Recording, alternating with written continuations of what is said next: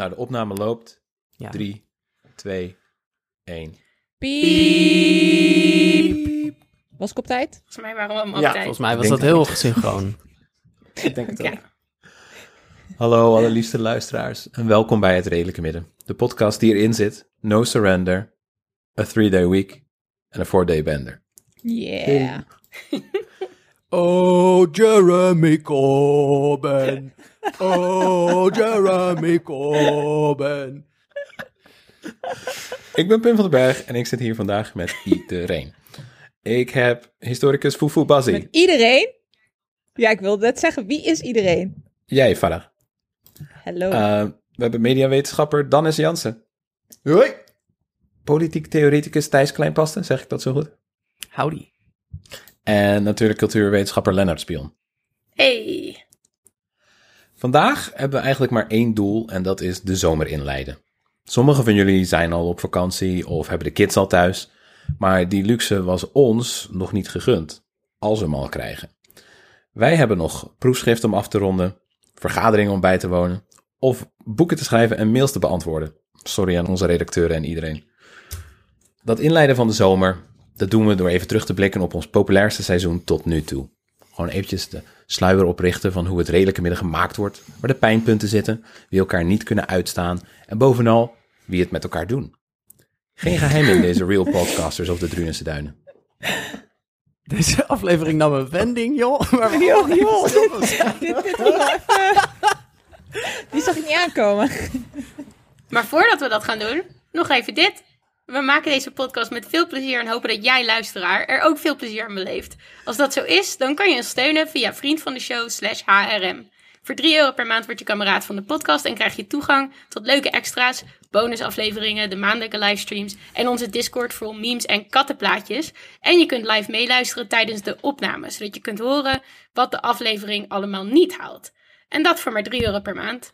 Als je niets kunt missen, dan is het helemaal oké. Je kunt ons ook helpen door je vrienden, familie, collega's en de mensen met wie je op de bus staat te wachten over ons te vertellen. Maak van je kennis een kameraad. Like, subscribe en deel op je socials en je kringverjaardag. Betekent heel veel voor ons. Dat Wat een pro ben jij, Annelot. Ook gewoon meteen die switch van petje af, waar we eigenlijk 90% van dit seizoen mee gewerkt hebben, naar onze nieuwe, Ja, eh, onze nieuwe podcastpooier. ehm vriend van de show. Ja. Eh, dit is nu ook een beetje een wedstrijd voor mij geworden. Want eerst zat Pim mij altijd aan te juichen om enthousiaster en groter te gaan. En toen eh, laatst ging ik een keer echt groot. Ging ik echt, echt goed uitgepakt. toen werd ik gewoon afgekapt. Dit is echt te veel. Dit is echt te veel. Knop Ik moet dicht. ik, to be fair, ik had je toen ook wel echt, zeg maar, best wel een uitbundig soort van script gegeven met allerlei offhand grapjes erin en zo. Dus Ja. Ja, ik maar dacht, ik geef Annelot, Pim jij bent, alles wat ik heb. Jij bent Ja. toch niet te temmen, Annelot? Nee, nou ja, Pim kan dat wel. Maar daar gaan we het vast nog uitgebreid over hebben.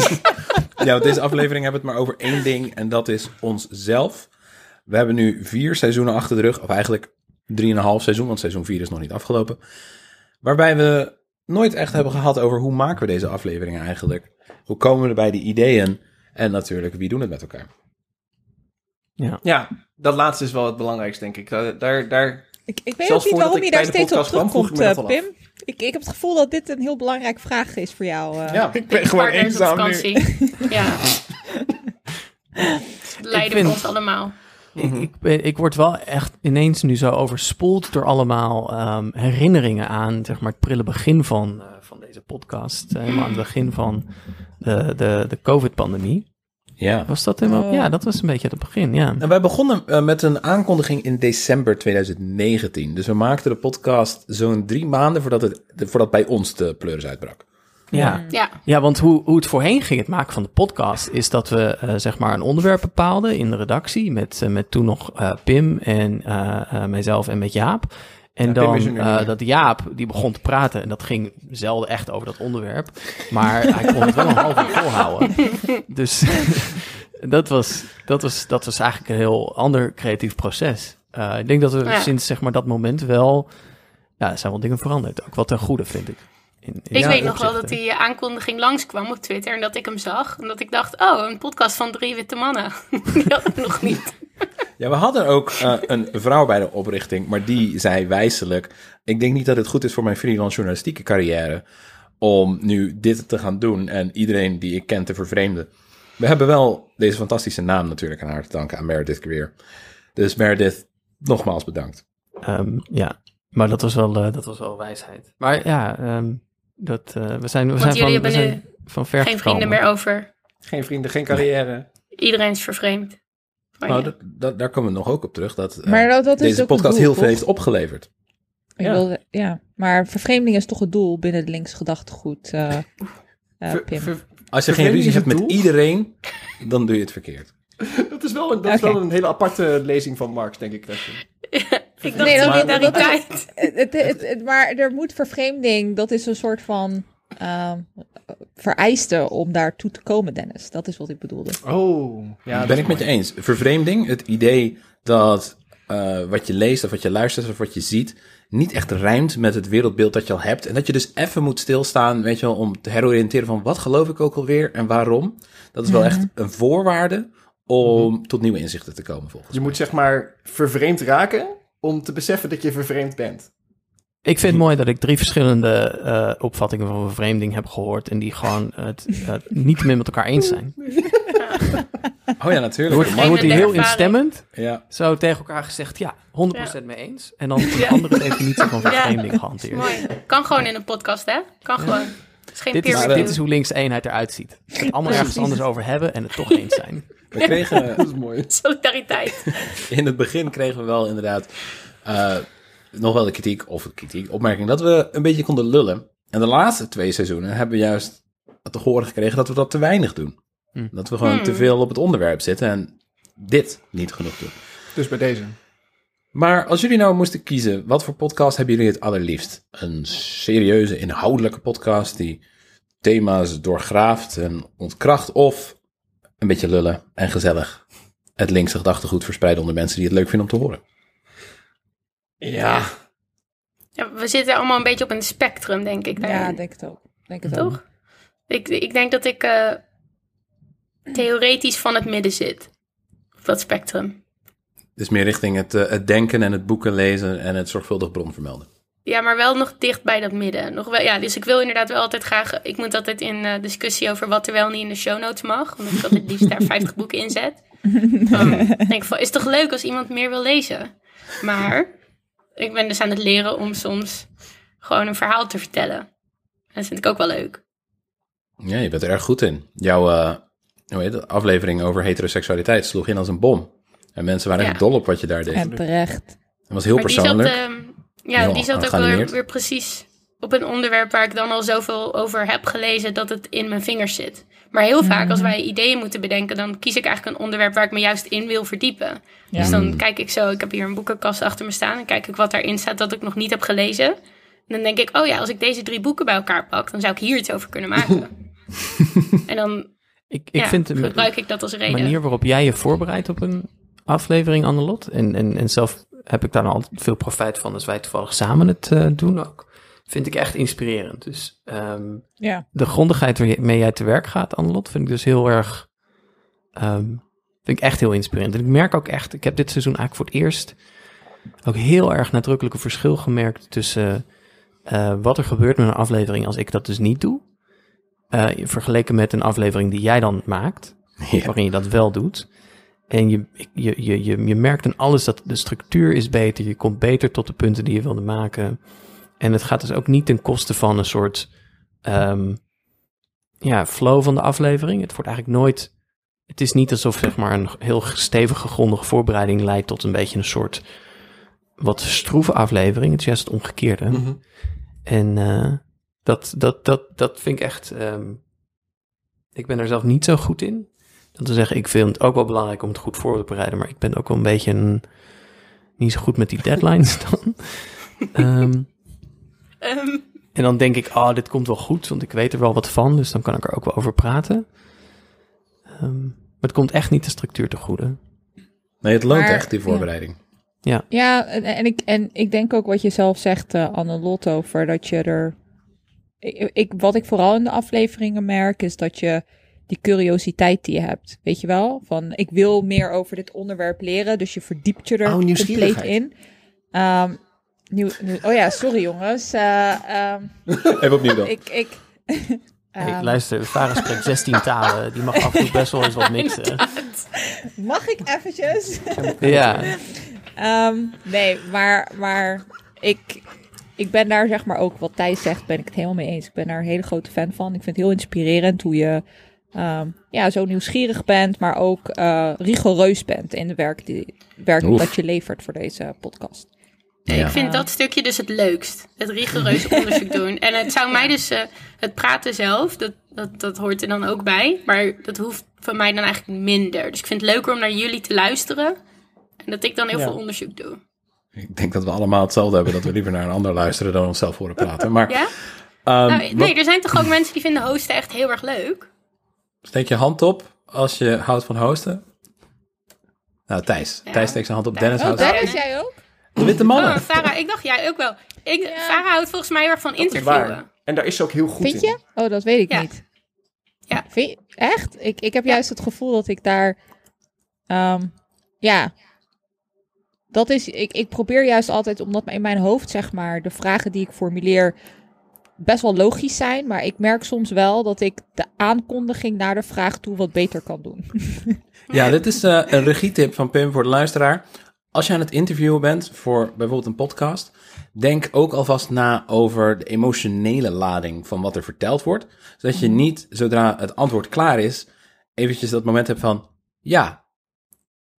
En dan pas met een vervolgvraag komt. Maar dat je gelijk weet van, oh, dus dat zit. Oh Mhm. ja, en dit, dit vinden mensen daarvan. mhm. En dan heb je gelijk een soort van een emotionele flow, een vibe. Maar ik denk altijd dat het daarom wel goed werkt om met twee hosts één gast te interviewen. Omdat één iemand heel erg op het script kan zitten van dit zijn de vragen die echt gesteld moeten worden. En de ander echt voor verduidelijking en verdieping kan Dat zorgen. werkt inderdaad heel goed. Ja. En dan de structuur vasthouden. Dat is echt eh, prima. Ja. Wat ik eh, leuk vond, is we hebben het over het proces het maken van een aflevering. En Annelot, jij vertelde net, jij neemt gewoon een blik op je boekenkast. Ziet een paar boeken waarvan je denkt, oh, dit heb ik nog niet gelezen. En daar kan je een aflevering van maken. Ja. Voor mij werkt het helemaal niet zo. Ik heb in het dagelijks leven, weet je wel, een ongemak of zo. Of iets waarvan ik denk, hé, hey, wacht, dat klopt niet. Of dat is niet eerlijk. En dan probeer ik daar iets mee te maken. Inderdaad, een gevoel van vervreemding. Wel ja. Hoe zit het met de rest? Hoe komen jullie tot onderwerpen? Ik denk dat ik een beetje ehm, hetzelfde als Annelot erin sta. Dat ik het gevoel heb dat eh, er bepaalde onderwerpen zijn waar ik me dan wat meer in zou willen verdiepen. Want voor mij wat, en dat is ook de reden waarom ik bij deze podcast zit. ehm, ik, zie, ik zag een hele grote kloof tussen wat ik leerde en theoretisch gezien ehm, ja, aan kennisvergaring deed in de academische wereld. En hoe ik dat kon vertalen naar ja, de samenleving en perspectieven bieden voor links gedachtegoed. En ik denk dat deze podcast voor mij een manier is geworden, of een manier is om die twee dingen te overbruggen. Hmm. Uh, om echt na te denken van, oké, fijn, leuk dat ik dit heb gelezen en het is heel interessant. Maar hoe vertalen we dit naar iets praktisch, weet Ja. je wel? En hoe kunnen we het analyseren op het niveau dat we ook zeg maar vandaag de dag, weet je wel, kunnen analyseren. In plaats van in mijn geval alleen het verleden. Dus dat soort dingen, uh, zo werkt dat zeg maar voor mij. Weet je nog uh, ons uh, um, kennismakingsgesprek, Farah? Jij kwam gewoon met ons praten met onze drieën. En we hadden zoiets van, uh, wil je dit doen? Yup, wij ook. Nou. Het was een heel makkelijk gesprek. Ja, dat, dat ging heel anders bij Dennis. Oh ja, dat heeft jaren geduurd. Die moest, ja, die moest heel veel proeven doen en uh, survival tocht afleggen. En, uh, Precies. Lavendel plukken in een bepaalde Ja. vallei. En, Buffalo eindigt met twee moorden die je moet plegen. Ja. Het is echt heel dramatisch allemaal. ja, voor jou. Ja. Die Maar waren we wel zijn wat waard, strenger met witte mannen. Ik ga niet zeggen wie het zijn. We zouden inderdaad strenger moeten zijn Ja, met witte mannen. Terecht. Maar Farah en ik fietsten ons er zo naar binnen. Ja, dat was weer zo makkelijk. Ja, jij hebt jezelf uitgenodigd, Annelot. En dankjewel daarvoor. Ja, was wel-. En toen Farah. Het was ook wel toen die aflevering, toen die aflevering met, jou, met jou en Pim uitkwam aan het, aan het eind van... Was dat het eerste seizoen? Tweede seizoen? Ja. Het eerste seizoen al. Eind van het eerste seizoen. Eigenlijk, eigenlijk was ik, zat, zat, zat ik toen, toen nog als luisteraar zat ik wel echt van ja, ja, dit is wel... Dit is de, dit is de vibe die je wil hebben. Oh, nice. in zo'n eh, in zo'n podcast. Het was een beetje een lange aflevering, dat wel. Dat, dat, dat proberen we tegenwoordig niet meer te doen. Maar het was wel een goede aflevering. Ja, Lennart en ik zijn een gouden duo. Maar dit zijn wel de discussies die we ook altijd voeren. Van hoe lang mag het zijn? En het- ja, hoe, hoe kort kunnen we het houden? En zeker als je een gast hebt, is dat best wel lastig soms. ja. om de tijd in de gaten te houden. Ja, soms is het even... Ja, maar ik denk, dat we, ik denk op- toch wel dat we een soort van eh, gouden middenweg hebben gevonden nu. Toch? Rond de 50 minuten. Een gouden middenweg? Ja. Is dat niet de uitdrukking? Bedoel je niet een redelijk midden? Oh ja, ja, ja. Oh. Heel, heel scherp. Laat de luisteraar ook even weten dat het voor mij en Thijs nog eh, pas half twaalf, Voor de ja, middag. half twaalf 's ochtends is. Ja. Ja, als, Dus. als we het dus hebben over hoe iedereen tot ideeën komt. En dan moet ik toch een beetje denken aan Thijs, die ik denk al wel twee jaar heel graag een aflevering over rijden wil maken. Over wachtrijen. Thijs Ja. zijn enige idee. En wij zeggen gewoon steeds, ja, ja, Thijs, dat komt, dat komt wel, dat komt wel. Even geduld nog, Thijs. Ja, Maar Thijs, kun je er even de, de, de rationale achter het idee van waarom je een aflevering over staat rijden al wil zo lang in de wachtrij, ik- mag ik- wel Ik eventjes. zal heel eerlijk ja het zeggen, is wel toepasselijk dat het al heel lang in de wachtrij staat. Nee, ik wil, ik wil een... En ik vind het ook wel passen bij het thema van het seizoen dat we aan het doen zijn. Dus over mythes. Ik geloof dat de eerste, het eerste idee voor... Of het eerste moment waarop ik dit idee kreeg... was eigenlijk na een soort gesprek met een ehm, kennis van me hier. Dus dit is eigenlijk een beetje een soort PIM... PIM-route voor de ontwikkeling van het idee. Mhm. Ik weet niet meer wat nou precies de aanleiding was, maar het was zo'n, het was een soort bijna achterloze opmerking over dat ehm, het tegenwoordig zo duur was om eten te bestellen of zo. Ja. precies. En dat dat toch, zeg maar, als de toekomst linkser zou zijn, dat dat dan niet zo meer zo duur zou worden of zo. En toen zei ik, nou, nee. Nee, want het hele idee van de bezorgindustrie is dat zeg maar, je mensen kunt uitbuiten tegen veel te laag salaris. Dus dat zeg maar, het idee van eten bestellen, wat eh, zeker veel Amerikanen met een eh, drukke baan in grote steden toch bovengemiddeld vaak doen. ehm, als alternatief voor zelf boodschappen doen en koken. Dat ik denk dat dat duurder wordt. Volgens mij is de. eh, volgens mij is de. ik probeer een niet-Engelse term te verzinnen voor de trade-off. De, Oeh. De prijs die men betaalt. ja, de prijs die men betaalt, of de, de, de, de ruil die men doet, is dat je wel een, zelf ook een kortere werkweek hebt. En minder vaak moet overwerken en beter betaald krijgt. En misschien meer tijd hebt om Mhm. jezelf toe te leggen op dingen die je prettig vindt om te doen. Bijvoorbeeld het koken van je favoriete gerecht. Tenzij je het echt niet fijn vindt om te koken. Dat is natuurlijk ook, ja, dat kan ook je ding zijn. Maar goed, in ieder geval, ik kwam, ik, ik realiseerde me dat eh, een mythe, die volgens mij bestaat, eh, op links, is dat alles wat ongemak in het leven veroorzaakt, inclusief het ongemak van traagheid en moeten wachten en in de rij moeten staan, dat dat de schuld is van het kapitalistische systeem. Terwijl ik denk, nou, volgens mij, als je een samenleving effectief socialistisch organiseert, dan zijn er juist momenten waarop je meer geduld voor elkaar moet hebben en meer ruimte aan elkaar moet bieden en minder een beroep kunt doen op je op de directe bevrediging van, van je behoeften en minder elkaar kunt opjagen, omdat je dus minder, omdat andere mensen met wie je de samenleving deelt, ehm, meer rechten hebben.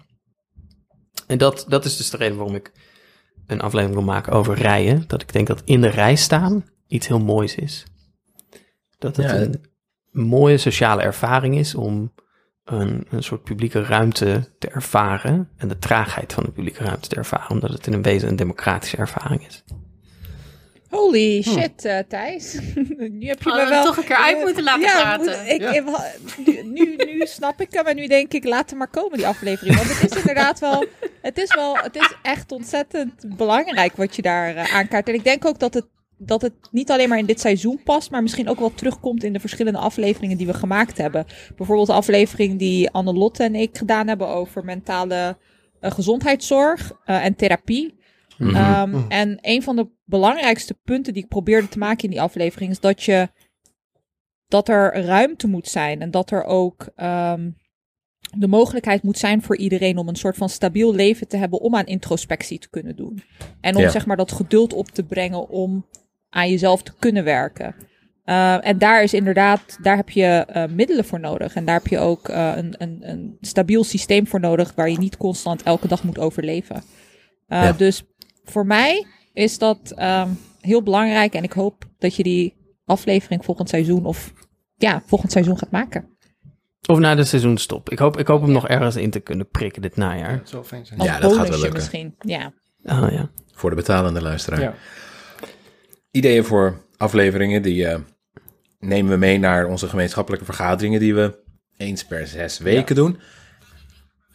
En dan, eh, dan kijken we gewoon even, weet je wel, welke invalshoek zoeken we. Want het is leuk om een idee te hebben, maar dan is het ook belangrijk, hoe ga je dat in vredesnaam vertellen? Hoe maak je dat interessant? Hoe maak je dat betrokken en persoonlijk? En dan ook natuurlijk, hebben we daar een gast bij? En hoe weten we eigenlijk of we een gast vragen of niet? Ik zal je wel eerlijk zeggen, ik vind wel in de manier waarop we vandaag de dag omgaan met expertise en specialisatie, dat ik er ook wel een soort van principiële kwestie van wil maken om mensen die echt gespecialiseerd zijn op een onderwerp, om die ook aan het woord te laten. En niet uh, mee wil gaan met het idee dat iedereen maar alles kan weten. Je kunt uiteraard iets leren van iemand. Uh, maar ik vind toch wel dat we in dit tijdperk waarin uh, um, specialisatie en expertise best wel ja, met argusogen wordt bekeken en waar mensen uh, het gevoel hebben dat ze alles kunnen weten omdat, omdat ze alles kunnen vinden op het internet, vind ik toch wel van we moeten daar wel aan blijven vasthouden. Vraag, wat doe je dan in een hebben. podcast? Nee, maar, maar snap, ik, ik bedoel, ik maak ook de afleveringen die ik maak als ik het gevoel heb dat ik niet de specialist ben op dit gebied, dan wil ik toch liever in gesprek gaan met iemand die dat wel Mhm. is. Nee, ik had laatst het tegenovergestelde van wat jij hier omschrijft met de hetero-aflevering. Toen dacht ik eerst heel lang van, nou, daar wil ik nog een gast bij. En toen kwam ik eigenlijk erachter dat ik zelf zoveel te zeggen had, dat die gast er gewoon heel bekaaid van af was gekomen. Want die was er dan gaan zitten en dan had ik eigenlijk gezegd, ja, maar wacht even, ik wil eerst even deze 50 dingen zeggen. En dan- Nee, maar, maar jij, bent, jij, jij hebt je ook wel echt intensief ingelezen op dit onderwerp. Ja. Weet je wel? En het is iets waar je persoonlijk ook ehm, ja, over nadenkt. Weet je wel? ja. Maar wat ik bedoel te zeggen is van, ik, ik vind toch wel van, een podcast is, ik zie mijzelf als iemand die kennis vergaart en overdraagt, maar ik vind ook dat een podcast een platform moet zijn voor mensen eh, om in gesprek te gaan. Hm. Op basis van kennis. Bijvoorbeeld in onze bonanza's. Ja, Ja, precies. En laat me even onze eigen pluim strijken, maar ik denk dat die houding van jullie, die verantwoorde houding, wel toe leidt dat onze podcast een van de meest inhoudelijk verantwoorde en diepgravende is in het Nederlandse podcastlandschap. Dat hebben we toch ook Ja. wel gehoord van, van gasten die dan bij ons kwamen. En dat ze dan achteraf zeiden van, wauw, ik kon echt een keer... Ik, ik Ja, ben, het, ik ben het daar ook, ook mee eens, maar van nou ook. eh, En volgens mij zit dat wel redelijk dicht nog bij een van de eerste aanleidingen om de podcast te beginnen. Helemaal aan het begin was namelijk een frustratie over het niveau van eh, politieke en maatschappelijke discussie in Nederlandse media, zowel op televisie als in de krant. Mhm. Ehm, een, deels een frustratie over het feit dat het oppervlakkig en ehm, ehm, ja, nou, ja, oppervlakkig was.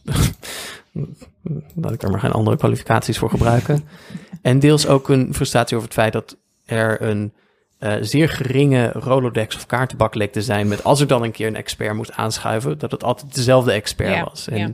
en altijd een expert die eigenlijk misschien al wel een beetje over zijn houdbaarheidsdatum heen was. Een beetje zo'n, beetje zo'n tegen het pensioen aanhikkende debat niet meer helemaal goed bijhouden. En de, Sander. Schimmelpenning.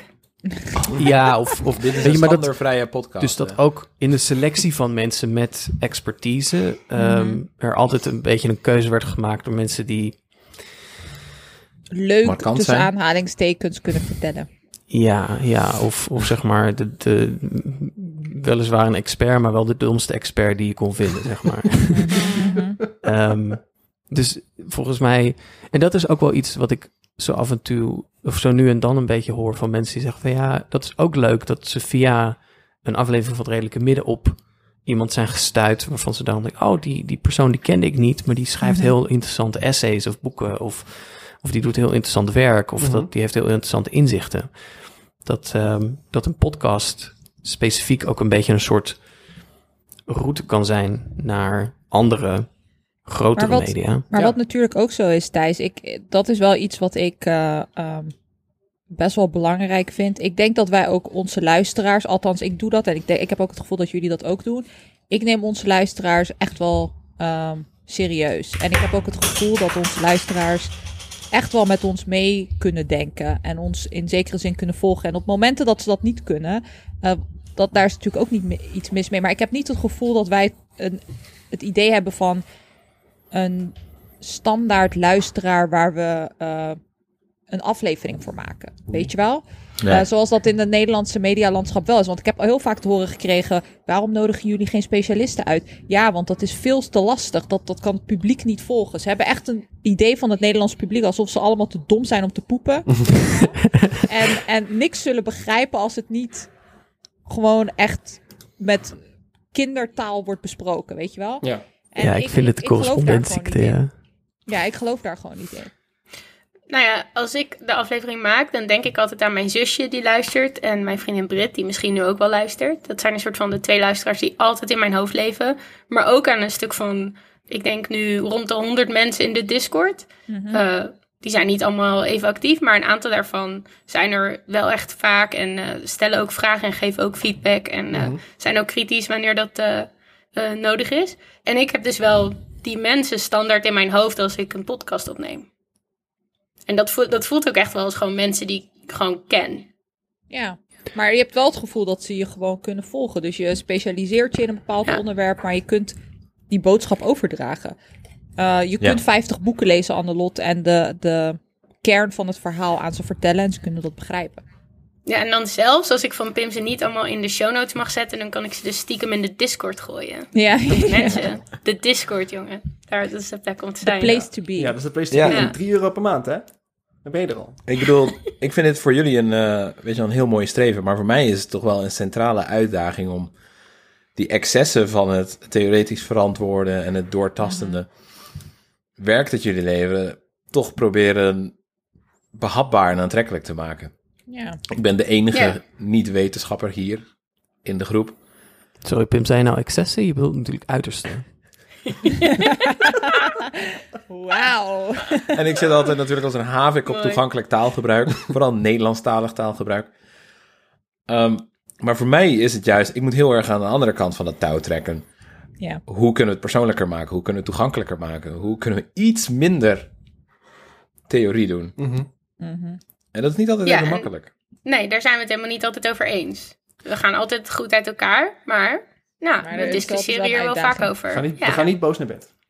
Maar ik heb, ik heb Nee. wel ook veel in dit opzicht van jou geleerd, Pim. Ehm, Same. Mhm. ik hoop dat dat ook over het voetlicht, dat ik dat over het voetlicht kan brengen in Mhm. afleveringen.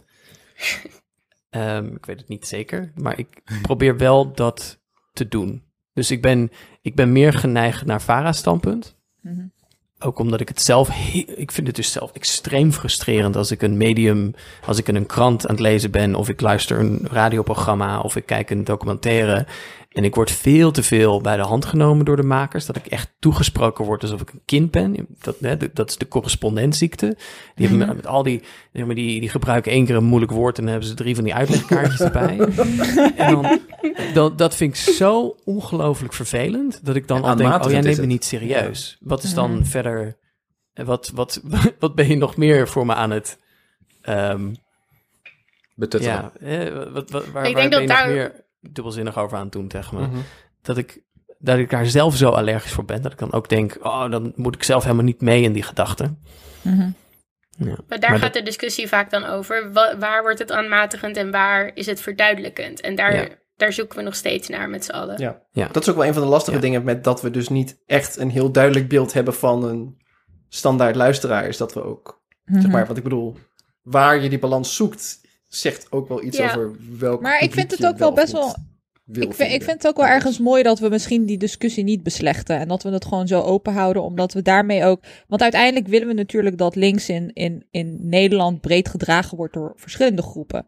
Mhm. Ehm, en als iedereen van ons een bepaald persoon in gedachten heeft. Of in ieder geval ehm, ervoor zorgt dat zij op een manier praten die zij toegankelijk vinden. Denk ik toch dat we een groot scala of een breed perspectief aan, ehm, aan, aan hoe zeg je dat?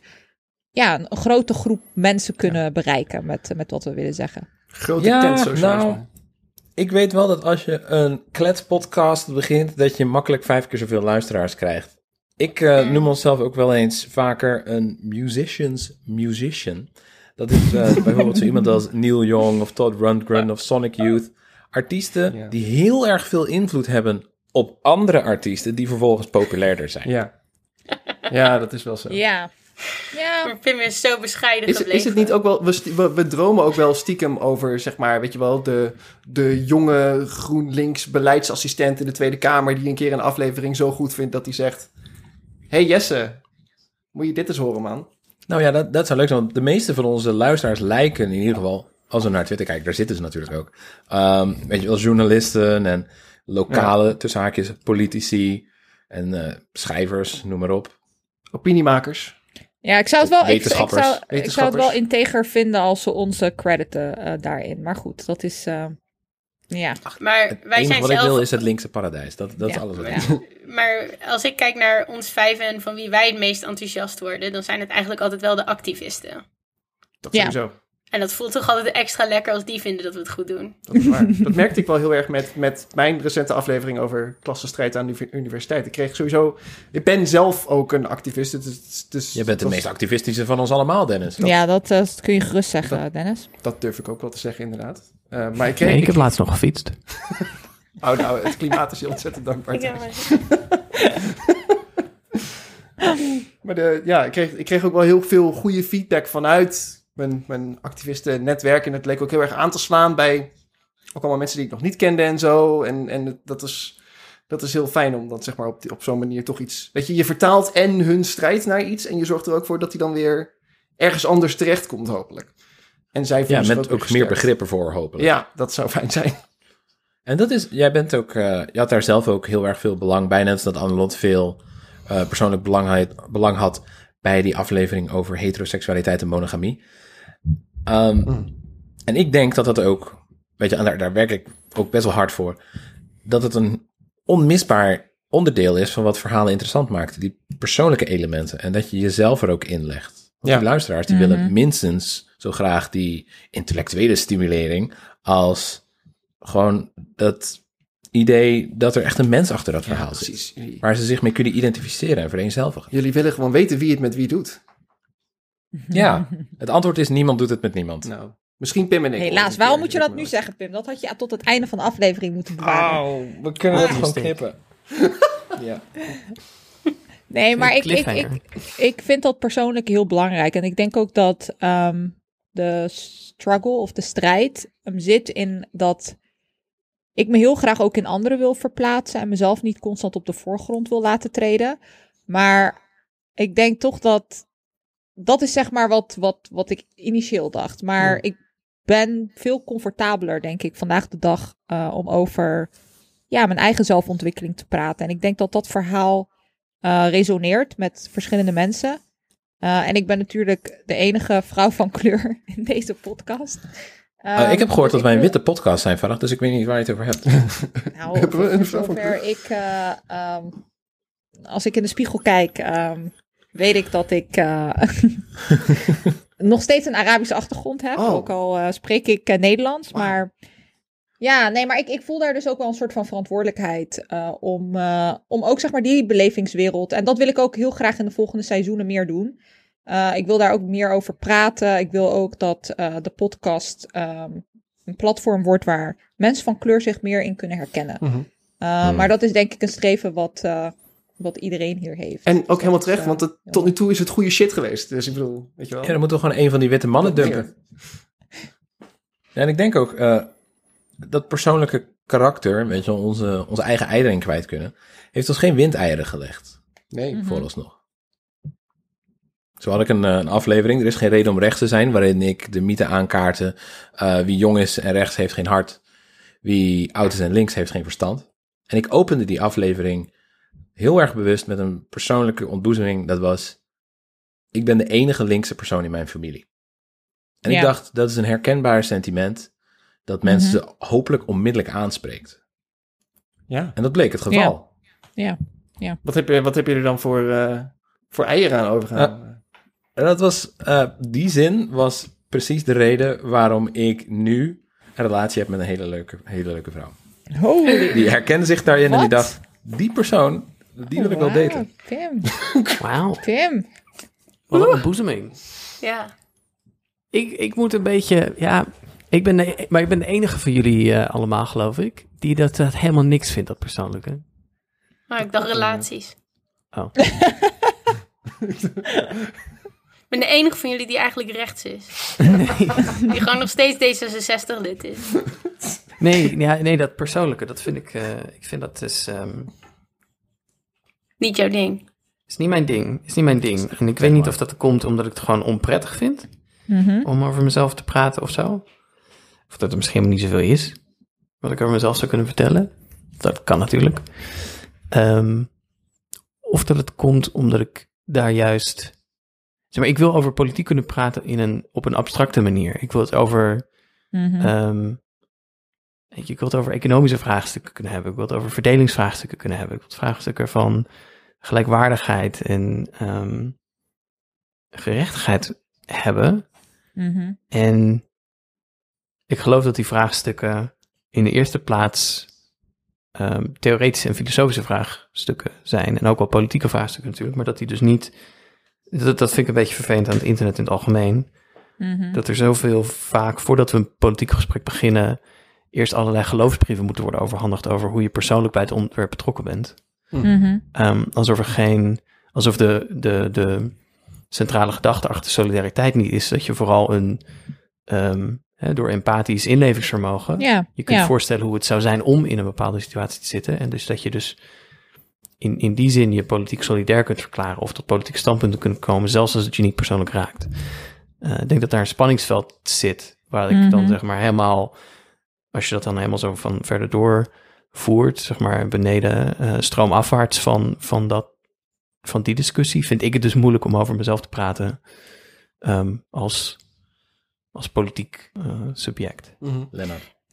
Ja, ik zet mezelf dus juist soms wel graag in, omdat ik merk dat als ik een theoretisch of echt politiek abstracter gesprek probeer te voeren over bijvoorbeeld de zorgeconomie of eh, het belang van een nationaal zorgfonds of zoiets, dat mensen dan zeggen van ja, maar zo werkt het nou eenmaal niet en het is nou eenmaal zo en zo. En dat je juist dat empathische dan niet bereikt. Terwijl wanneer ik zeg, maar ik krijg mijn medicatie niet mee bij de apotheek vanwege een verschrikkelijke verzekering eh, waar ik zelf niks aan kan doen.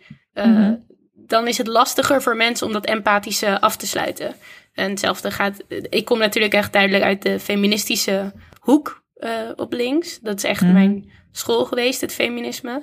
Ehm, en daar gaat het ook gewoon echt over mij. En, en wat Mhm. er gebeurt als je als vrouw in een patriarchaat leeft. Of als iemand die zich misschien ook helemaal niet in binaire genderhoekjes voelt passen. En het helpt bij mij denk ik dus toch vaak als ik die brug naar mezelf sla. Om de ander meer empathisch aan mijn kant te krijgen. Mhm. Omdat mensen mij vaak eerder mogen dan dat ze een politiek engagement voelen voor dezelfde dingen. Ja, ik denk ook wel natuurlijk eh, een hele hoop van die abstracte theorieën, daar denken we niet over na in het dagelijkse leven, maar we voelen wel eh, waar het wringt, waar het onrecht zit, de pijn of juist het geluk. En zo herkennen we ook vaak de dingen die we willen in het leven en de dingen die we niet willen in het leven. Dus dat persoonlijk, het maakt het wat mij betreft inderdaad ook heel herkenbaar. En is als het ware de eerste stap naar die abstracte gedachtes. Want Thijs is natuurlijk een fantastisch, zorgvuldig en eh diep denker. En ik kan jullie ook van harte aanbevelen om de Groene Amsterdammer erbij te pakken binnenkort. Maar Hmm. voelen, Thijs? Andere mensen voelen daadwerkelijk. Ah. Nee, maar ik, ik, vind het, ik, vind het ook wel, ik vind het ook wel mooi dat eh, eh, wat zowel Annelot als Thijs net eh, hebben gezegd. Want wat, wat, Mhm. wat ik een beetje in, bij Thijs hoor, is dat jij zoiets hebt van mijn belevingswereld ehm, kan ik goed theoretiseren. Ik heb daar ehm, ja, de middelen voor en eh, het inlevingsvermogen voor ehm, en de verbeelding voor. Eh, en wat ik dan bij Annelot hoor is van, maar er zijn sommige mensen die zich daar niet herkennen. Maar ik denk ook niet dat jij dat tegenspreekt. Ik denk dat die twee Mhm. dingen best wel naast elkaar kunnen bestaan. Ja, Ehm, en ik denk dat dat ook een mooie balans is in deze podcast. ik Ja. denk dat een heel belangrijk ding wat Thijs daar ook zei was het internet. En ik heb het echt heel erg over één op één gesprekken met mensen die kwetsende dingen in mijn gezicht zetten. Die ik meteen een soort halt kan toeroepen tot te zeggen dit kwetst mij, stop. Dit treft mij als mens. Ja. heb daar oog voor. Ehm, en ik doe het niet zo op het internet. Dus ik ben ook niet zo goed daarom in Twitter en zo, omdat ik daar inderdaad niet zo van alles. Nou, ik deel wel veel, maar ik deel niet zo de geloofsbrieven of waarom ik wel of niet ergens over mag praten. En ik doe ook vaak gewoon niet zo mee aan de Hmm. online discussie. Ja, dat is wel goed. Nee, je hebt je hele ja, eigen vibe op Twitter en op Instagram. Ehm, Ja. Het is ook een schande Ja, dat maar niet, niet meer zo, mensen jou eh, volgen op Twitter, want je bent heel grappig. Sowieso. Ja, maar jij bent heel eh, scherp op de actualiteit en inderdaad op het eh, naar een hoger level trekken. En dat, eh, heb ik, dat doe ik niet. Dat probeer ik niet. Omdat ik denk, daar gaan veel te veel mensen mee aan de haal. En het is allemaal bak ellende die me te weinig oplevert. Hm, Misschien heeft het ermee te maken dat ik een witte man ben op Twitter. Alles wat jij doet is universeel en superkracht. abstract. Ja. Ja. maar wat een superkracht hoor. Zo. kunnen vliegen, daar kunnen vliegen en onzichtbaarheid nog een puntje aan zuigen. Ja, maar ik denk dat allebei de perspectieven in onze podcast echt absoluut verrijken. En ik zou ook, weet je wel, ik kom echt niet in de buurt van wat jullie allebei doen. En bijdragen aan de podcast. Nee, jij bent ik- gewoon van Twitter afgegaan. Ja, Ook slim. fuck dat. Je deelt helemaal niks meer. Je wordt er veel gelukkiger van. maar wat ik eh, nu eigenlijk wel wil weten van jullie is wat we nog willen bereiken met de podcast. Zoveel. Wat is de droom? Weet je wel, wat is het beste dat jij voor je kunt zien wat we kunnen halen door in microfoons te praten eens in de twee weken? Hugo de Jong in de podcast. Kom in de podcast, we, willen geen, we hebben geen vragen, we willen alleen een uur tegen je schreeuwen. Ja, dat wilde ik net zeggen. Ik denk dat ik niet echt vragen heb voor Hugo de Jong, om eerlijk te zijn. Lijkt me gewoon leuk. Ehm, ik heb eigenlijk niks man. tegen hem te zeggen. nee, maar ik denk voor mij wat ik wil bereiken met deze podcast is... ehm, er, er zit ook wel iets ehm, egoïstisch aan. ik wil heel graag blijven leren. En ik zie deze podcast als een soort van ervaring... eh, of mogelijkheid om, eh, om me wat meer te verdiepen in onderwerpen waar ik mezelf wetenschappelijk niet mee bezig hou. Hmm. Ehm, eh, dus ik wil eigenlijk heel graag volgende seizoenen nog dieper gaan. Maar ik, ik denk ook dat wat wij, waar wij heel goed in zijn. en wat wij ook al gedaan hebben tot zover, is heel goed kritiek bieden. En wat ik hoop, zeg maar, in de komende seizoenen meer te doen, is echt een beetje te, meer te verbeelden. En na te denken over mogelijke alternatieven waar, ja, waar, waar we misschien wat meer gaan botsen met z'n allen. Want ik denk eerlijk gezegd dat, dat er niet echt een, ehm, een duidelijk antwoord hoeft te zijn. Weet je wel, ik denk dat wij met z'n allen nog op links best wel in een soort van verkenningsfase zitten van... We weten wat allemaal ruk is aan het kapitalisme en we moeten het anders doen. Maar ik denk dat, dat we ook best wel moeten toegeven aan elkaar dat we eh, ook niet duidelijk hebben voor ons ogen van wat we nou wel als alternatief willen. Weet je wel? Ehm, dus ik wil wat meer, zeg maar, de verbeeldingskracht uitdagen. Laat ik het zo zeggen. Ja, dat snap ik wel. Alleen, eh, jij hoeft het gerobbel niet te monteren. Ja, dat is wel waar. Dat is wel waar. Nou, misschien moet ik het dan wel doen tegen die tijd, eh, Pim. We, we delen tegenwoordig natuurlijk de montage-taken. Het is beter om dat zo te houden, Dennis. Denk ik inderdaad ook. Ik wil nog steeds ook leren monteren. Ik heb eh, Oh, ja. weet je, al een paar jaar lang alleen maar geknipt en ik, ik kan het niet, niemand aanbevelen. Nou, het lijkt mij wel heel fijn, maar dat is gewoon omdat je het lekker in je eentje kan doen. En misschien omdat ik het gewoon nog nooit heb gedaan. En eh, ik ben altijd een beetje Pippi Langkous richting het leven van... Oh, dat heb ik nog nooit gedaan. Ik denk dat ik dat wel leuk vind. Nou, nou, wie weet. Het is in mijn ervaring Ja. heel erg als het redigeren van een tekst. Maar dat kan ook liggen Ja, aan het soort podcast dat we doen. Ik kan me voorstellen dat een Mm. kletspodcast monteren heel anders is dan een podcast Ja. die zeg maar een punt moet hebben. En een, en een Maar- samen Ik laat het je na afloop weten. Maar heel even, om, om nog even terug te komen op jouw vraag, Pim. Want wat ik wel heel graag wil, ehm, op den duur. Ik denk dat de kennis die wij delen in onze podcast en, de, en het denken wat we doen, dat dat heel waardevol kan zijn voor een nog groter publiek. Dus sowieso het publiek vergroten. Maar ik, ik denk ook, we kunnen lekker kletsen, maar ik denk dat wij ook allemaal best wel lekker kunnen schrijven. Dus ik Hmm. hoop dat we op Ja. een gegeven moment ehm, ja, de kennis en zo die we delen via de podcast ook ehm, toegankelijk kunnen maken via boeken. Ik denk dat we Boeken, dat er essays, heel veel essays zitten in afleveringen die we maken. Er zit, we hebben ook nog eens een, het idee van ehm, Annelot, die op, op een gegeven moment tijdens een van onze eerste afleveringen Helemaal een woordenboek van links gedachtegoed eh, eh, bij elkaar heeft Een gekoppeld links woordenboek. Een links woordenboek. Ja, Ja, uitgevers, als jullie luisteren, dit hebben wij zo gemaakt. Ik weet dat ik verschrikkelijk achter mijn deadline eh, van Thijs en mijn boek aanloop. maar zo'n links woordenboek, dat hebben wij zo gemaakt. Stel je even Ja, voor, ik- hè? ik was bedoel, al, 100 eh, woordjes, 250 woorden Ik had per geloof ik, definitie. ja, ik had geloof ik een stuk of 150 entries gedaan. En toen eh, gooide Pim me er bijna meteen weer uit. Dat hij zei van kappen nou. dat hij moest het allemaal gaan redigeren. maar we hebben het nog wel bewaard. Zo stressvol. Ja. Ik bedoel, iedere zelfrespecterende podcast heeft tegenwoordig een boek. Dus, weet je wel, Hmm. we moeten een boek. Ja, en ik wil eigenlijk van het redelijke midden het boek naar het redelijke midden de film Aha. naar het redelijke midden de musical met succes verlengd. Precies. Wie zou jou spelen Ja. in de, in de, in de, De, HRM nieuwe film, soldaat eh? van Oranje. Eh, Redelijk midden Cinematic Universe. Er Ja, ik, ik heb mezelf altijd een beetje vereenzelvigd met Jesse Eisenberg. Mhm. Uh, maar als we een Nederlandse acteur moeten zoeken, dan heb ik geen idee, want ik kijk geen Nederlandse dingen. Nee. Vind ook Ik wil wel denk- door eh, Titia Hogendoorn worden gespeeld. Ik denk op zich dat Ramsey Nasser in staat is om ons allemaal te spelen. Oeh. Wie? Ramsey Nasser. Oh ja, ja, ja. ja. Oh, Ik niet, vind, het- ik niet vind zo akkoord. echt een eh, geweldige Ik, eh, acteur. Ja, ik, Ik ook. Ik ook. Maar Jullie ik bedoel, vier door de- de- Ramsey Mhm. en dan ik door Titia. Ja, De, goed. manier waarop eh Ramsey ehm, ook Melkert neerzetten. Ja. Ja, precies.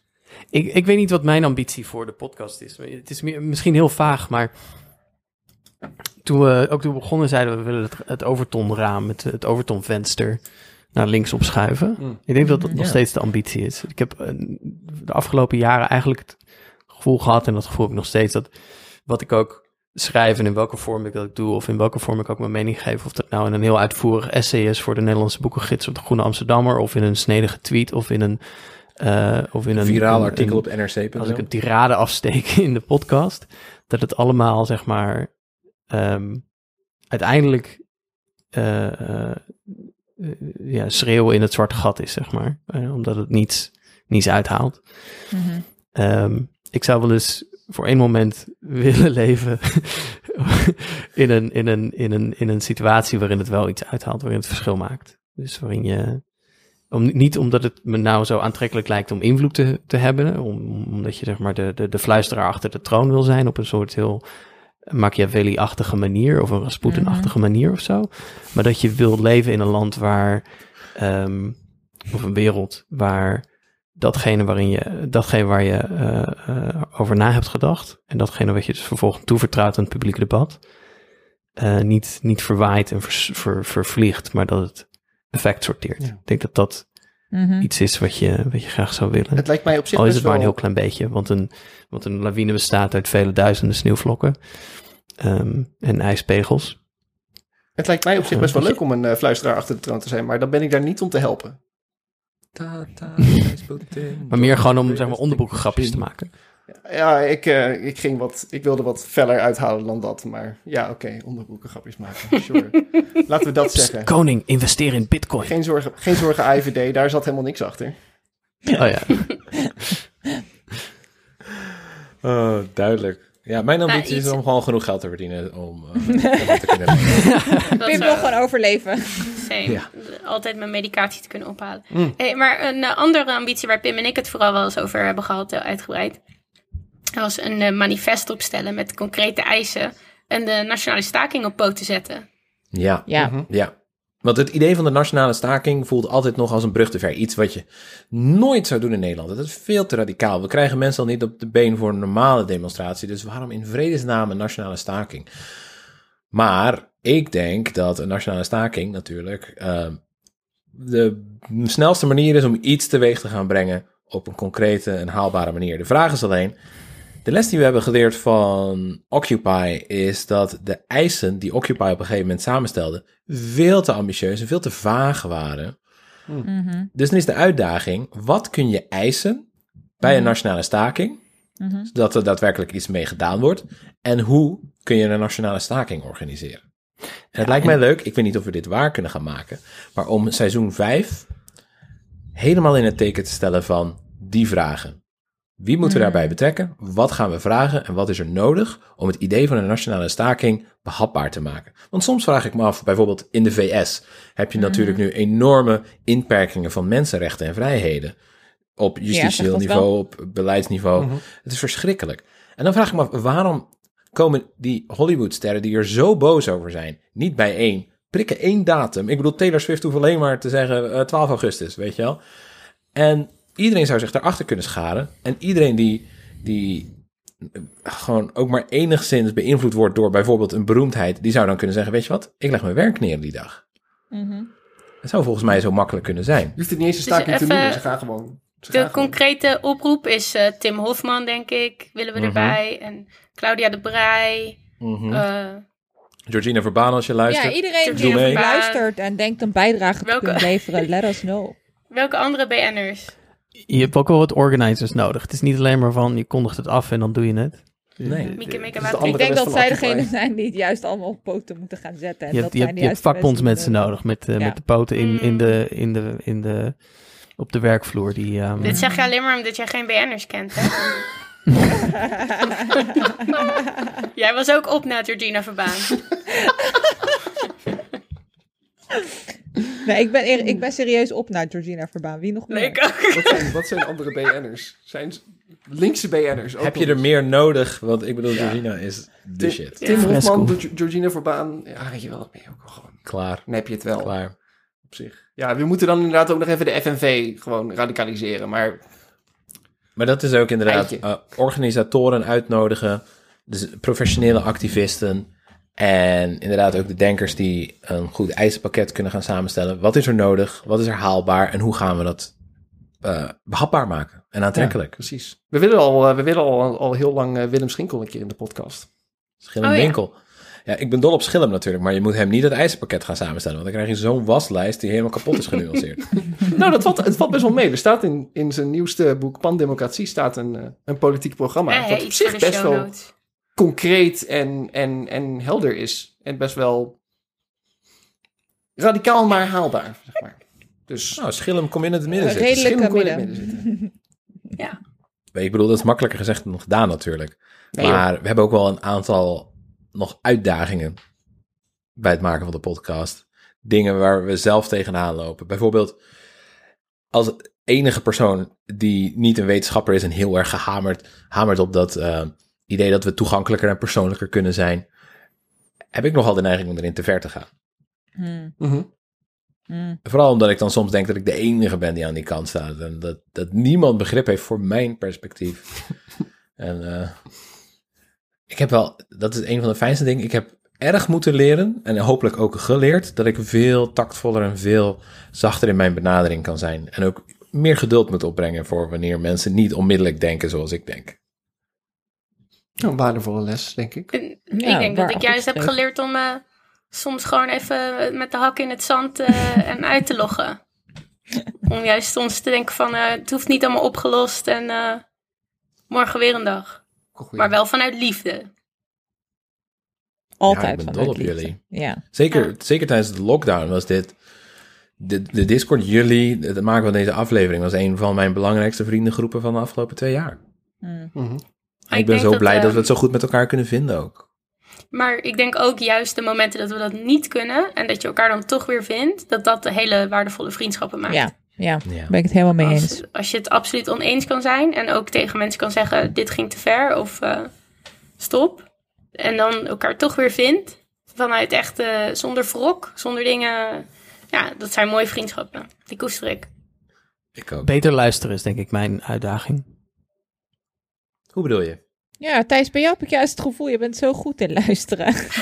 Oh, ik ging, ik ging totaal voor een grap, alsof ik zeg maar net helemaal niet had geluisterd naar wat jullie zeiden. dacht- Oh, dat oké. Nou, Deze jeetje, boy. ik nam hem wel heel serieus. Alerte luisteraars zullen het wel doorhebben. Wanneer wij een aflevering opnemen, zie je Thijs regelmatig nog tweeten.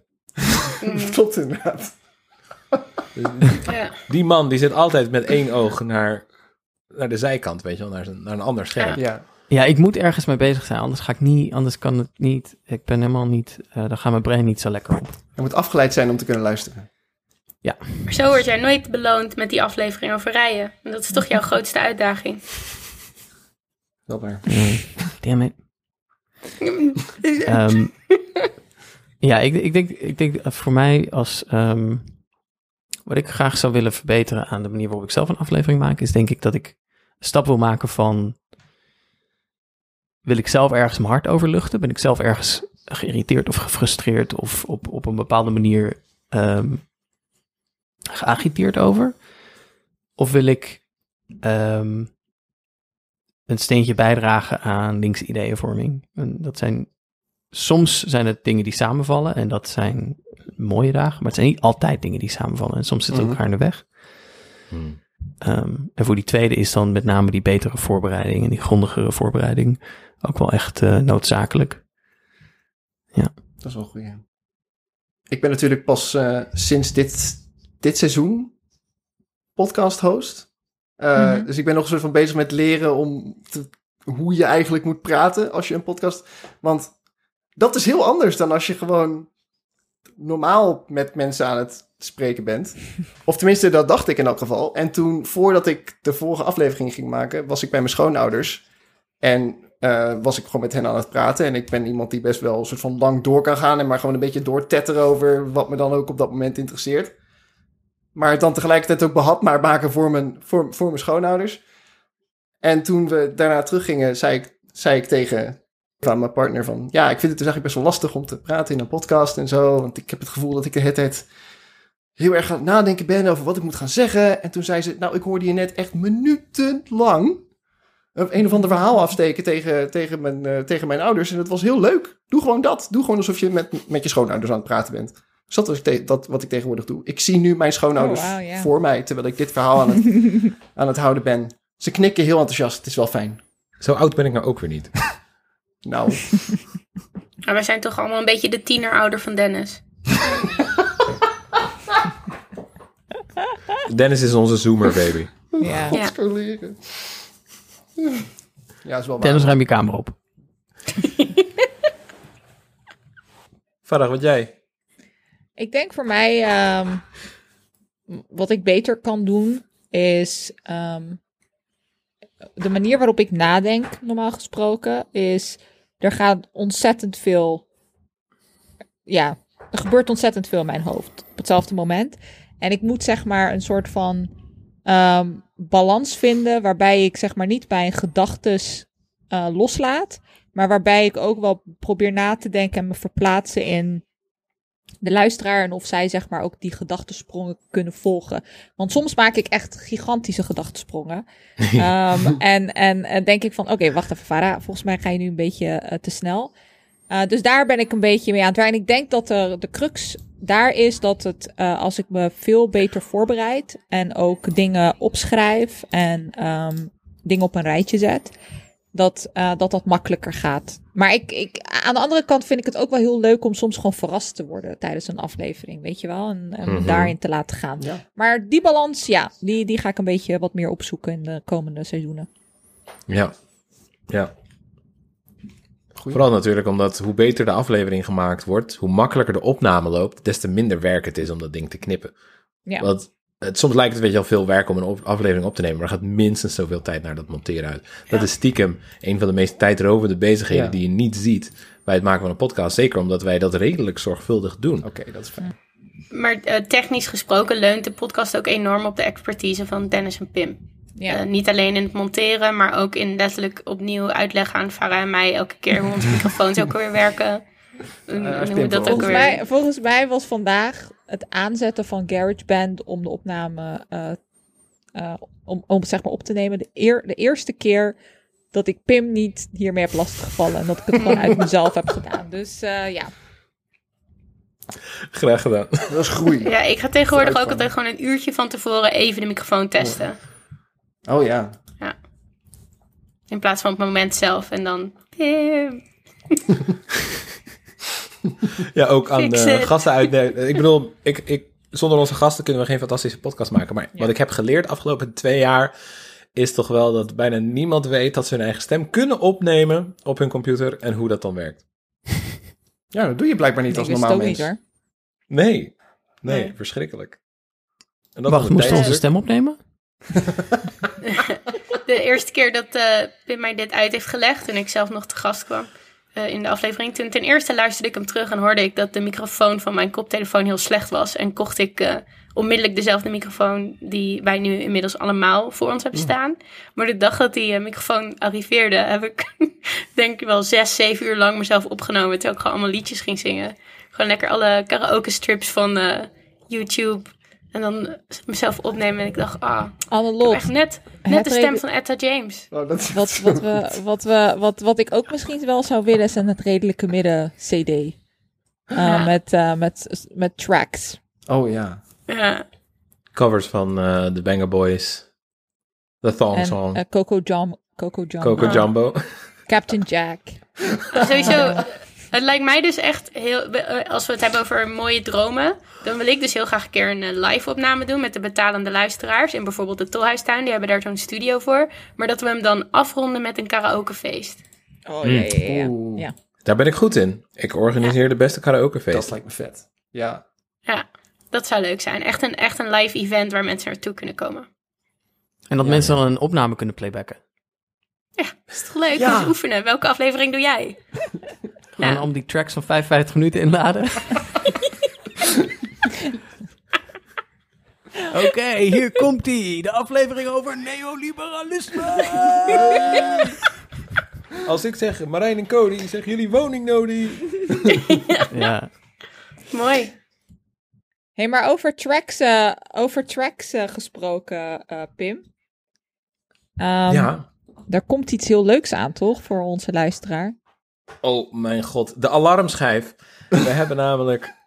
Erik, ik, ik- kun je even een Erik de Zwart, eh, zo heet hij toch? Erik de Zwart stem opzetten.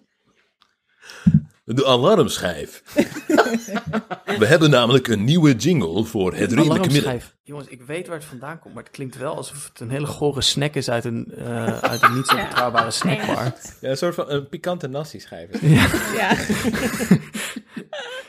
En dat je de volgende ochtend op de pot zit en denkt, ah, de alarmschijf. Ja, we hebben namelijk een nieuwe jingle. Die is gecomponeerd door Aafke Romein en de jonge Woudloper. Die deden dat eh, gewoon als steun voor de goede linkse zaak.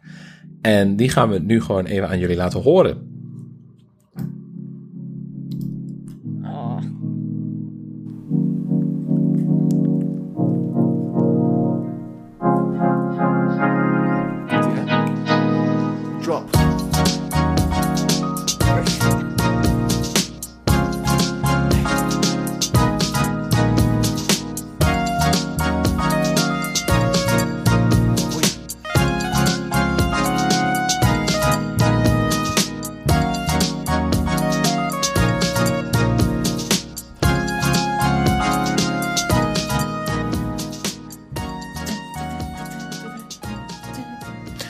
Is hier dus goed over nagedacht. Ja. De intro is traag en bouwt op een bepaalde manier op dat je gewoon kunt praten, maar dat mensen al wel aanvoelen dat er een einde aan het gesprek gaat komen. En de fade-out is weer zodanig dat je een gesprek kan beginnen zonder dat de muziek nog overheerst, maar dat het nog wel een beetje netjes overloopt. Dat je niet een abrupt einde hebt aan de muziek. En ook belangrijk is de basgitaar, die is live ingespeeld door ondergetekende. Wow. Yeah. Heel erg nice. Ja. Ja. Ik, eh, ik, ik vind het een eh, heerlijke jingle. Ja, ik ben er heel erg blij mee. En je merkt Hij ook komt- duidelijk dat Aafke en de jonge woudloper weten waar ze mee bezig zijn. Mhm. Ja. En, en eindelijk wordt dan ook helemaal duidelijk waarom we dit seizoen zijn begonnen met eh, een, een soft opening, zoals we dat dan noemen. Dus de, de, de, de gezellige, nou, we, we praten even wat bij en dan doen we de intro eh, na een minuut of drie. Mhm. Eh, want deze jingle die zal daarmee helemaal, dat valt helemaal op zijn plaats nu. Gaat helemaal op, Ja. op zijn Ja. plaats vallen. Ja. Het is wel eh, gevaarlijk, die professionalisering. Want ja, we worden langzaam natuurlijk gewoon geïncorporeerd in het Nederlandse medialandschap. En ik geef ons nog een seizoen of twee, drie en dan zijn we daadwerkelijk het redelijke midden. Absoluut. En weer allemaal lid van D66. Ja, dat begint met een jingle en het eindigt met een D66-lidmaatschap. Dat is Nee, ik mag Ja. niet meer lid worden. ik sta op de zwarte lijst daar. Nee, maar heerlijke jingle. Fijn dat hij ook lekker eh, in de zomer eh, ten gehore wordt gebracht. Want eh, het is toch best wel een heerlijk zomerhitje. Ja, precies. Ja. We gaan, Ja. straks die, we gaan straks die herfst in met het vervolg van dit seizoen. En iedereen blijft gewoon in die zomervibe, weet je wel, de hele, Ja, de hele tijd. Dat is de, dat is de bedoeling. Mhm. Hoe lang hebben we eigenlijk pauze? Want ik, ik weet het niet uit mijn hoofd. Zes weken? Oeh, dat klinkt goed zeg. Het is nu, het is nu halverwege juli. En We Laten we dit er lekker uitknippen. Laten we dit lekker niet in de aflevering vastleggen. Nee, want als het, als het 12 weken wordt of zo, dan, Ja. Ja, dat gewoon. precies. Dan hebben we die vrijheid. We noemen het een zomerstop, Het is maar een beetje zoals het zou niet verkeerd zijn als mensen hun PhD's kunnen afschrijven. 12 en zo, weken, en ja, zomertijd. hebben. Ja. Goed punt. Dan gaat de Nee, maar een het week was, eh, vooruit. Het was wel echt een, voor mij althans, een ja, mo- mooi en uitdagend seizoen. Ja, maar we gaan dus nog niet ophouden. We gaan weer verder met de mythes. Ja, Ja, we hebben er zeker Dus nog een aantal te doen. Luisteraars die nu luisteren denken... Oh, maar je moet echt nog deze mythe doen. Mail ons, DM ons, Ja, kom in de Discord. geef ons de mythe. Geef ons We geld en hebben- geef ons dan een mythe. Al wel een mooie om eh, het seizoen mee af te sluiten, dat weten we al wel. Namelijk de mythe dat Nederland een ontzettend gaaf land is. Ja, Dat is Thijs' idee en ik denk dat is de mooiste om mee te eindigen. Dat is hem. Ja, Maar we oh, sowieso man, als nog- ik dat hoor, dan denk ik ook altijd, rot maar op. Ik, ik hoef niets meer van je te horen. ja. De fundamentele probleemanalyse die je maakt van de politiek kan al niet meer kloppen als je denkt dat Nederland een ontzettend gaaf land is. Ik hoef de rest van je zin, je hele politieke programma, er kan niks in staan wat van enige waarde of relevantie is als je begint met de zin, maar het is wel een heel mooi land. Ja. Mhm. Is dat de aflevering waar jullie het meeste zin in hebben? Om nog te maken? Nou, Nou, ik ga een aflevering maken over mannelijkheid. En eh, traditionele opvattingen van wat een man zou moeten zijn. Ja. En eh, die zouden we eigenlijk deze week uitgebracht hebben, maar ja, corona zat dwars. dat is jammer. Dus dat, eh, dat komt na de zomer hopelijk. Ja, ik heb Ja. ook heel veel zin in die, maar ook in de aflevering die wij willen doen over eh, de monogamiete. Ja, daar heb ik ook zin in. Oh ja. Die Oh, wordt ja. ook mooi. Die had ik moeten noemen als ik een goede poets wilde maken met mijn partner. Ja. Ik zit eigenlijk al gewoon maandenlang te wachten op mijn klimaattoekomstaflevering, maar dat is er ook nog steeds niet van gekomen. De mythe van de klimaattoekomst. de mythe van Ja, de vind ik ook wel een mooie mythe dat er een toekomst is. Ja. Ja. Ja, het, het, het punt wordt juist tegenovergesteld. Thijs. Maar ja, dat is ook een mooie mythe. Laten we het gewoon allebei doen. Waarom ook niet? Varen, waar heb jij het meest zin in? Ik heb heel erg zin in de aflevering die ik heel graag wil maken over ehm, dat er een één Nederlandse identiteit bestaat. En ik wil heel graag met biculturele Nederlanders in gesprek over hoe zij hun eigen Nederlandse identiteit vormgeven. Je dacht aan eh, eh, Maxima. Eh, ja, zij was natuurlijk de inspira inspirerende ehm, denker die mij hiertoe heeft gezet. Nee. Ja. Ehm, ja, bij Maxima heb ik echt zoiets van. Volgens mij weet zij wel hoe het zit, maar ze kan niet anders. Weet je, ze moet natuurlijk wel zeggen wat haar eh, opgelegd wordt. Hm. Hm. Zoals de, de- ik wil haar maar één ding opleggen. De guillotine. Zo, dat was In Minecraft, uh, Anderlot, bedoel je? in Minecraft. Oh ja, ik bedoel in Waarom maak jij Minecraft. nou een Minecraft grap? Jij, wil, jij wil wel eh, Maxima's eh, troonfluisteraar zijn. Ja. Oh, nu komt nu Maar nu het is vast heel aardig. iets heel anders van volgens mij. Nevermind. Ze is Nou. vast heel aardig. Maar dat, zal, eh, dat zal inderdaad. Koningshuis mag kapot. Zullen we maar gewoon afronden? Ja, helemaal Ja, klaar ik, mee. ik, eh, ik kan natuurlijk geen andere aflevering zeggen dan een rijaflevering. Dus die kan ik er maar gewoon in gooien. Thijs, daar hebben we nu even geen tijd meer voor. We hebben er te lang op gewacht nu. Apologies to Thijs Kleinpaste. We ran out of time. we zullen nooit weten welke hij graag wil maken. Pas de Ik denk dat het over wachtrij gaat, maar... Daar komen we niet meer aan toe. Dus nog even afwachten.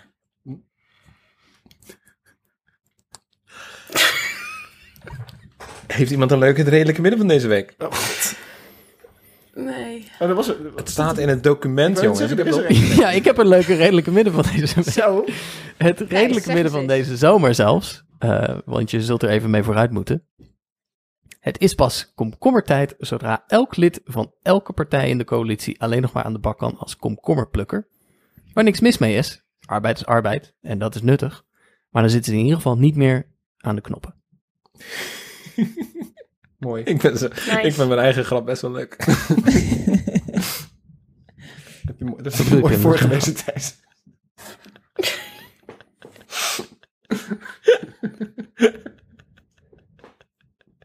Ik word, ik word ik zit altijd zo dankbaar te lachen om elke ik zet redelijke wordt ik midden. ondermijnd. Ik hoor alweer hoe laat het is. Dit, Ik, ik stel wel voor dat we dan zo de outro doen. Maar dat je dan is, nog ehm, een rant hebt van Thijs. Ja. Gewoon nog even drie minuten over de boeren praten in zijn eentje. Gewoon tieren. Ja. Die dan wordt weggedraaid, als in de Oscar. Zo opengedraaid en dan weer weggedraaid.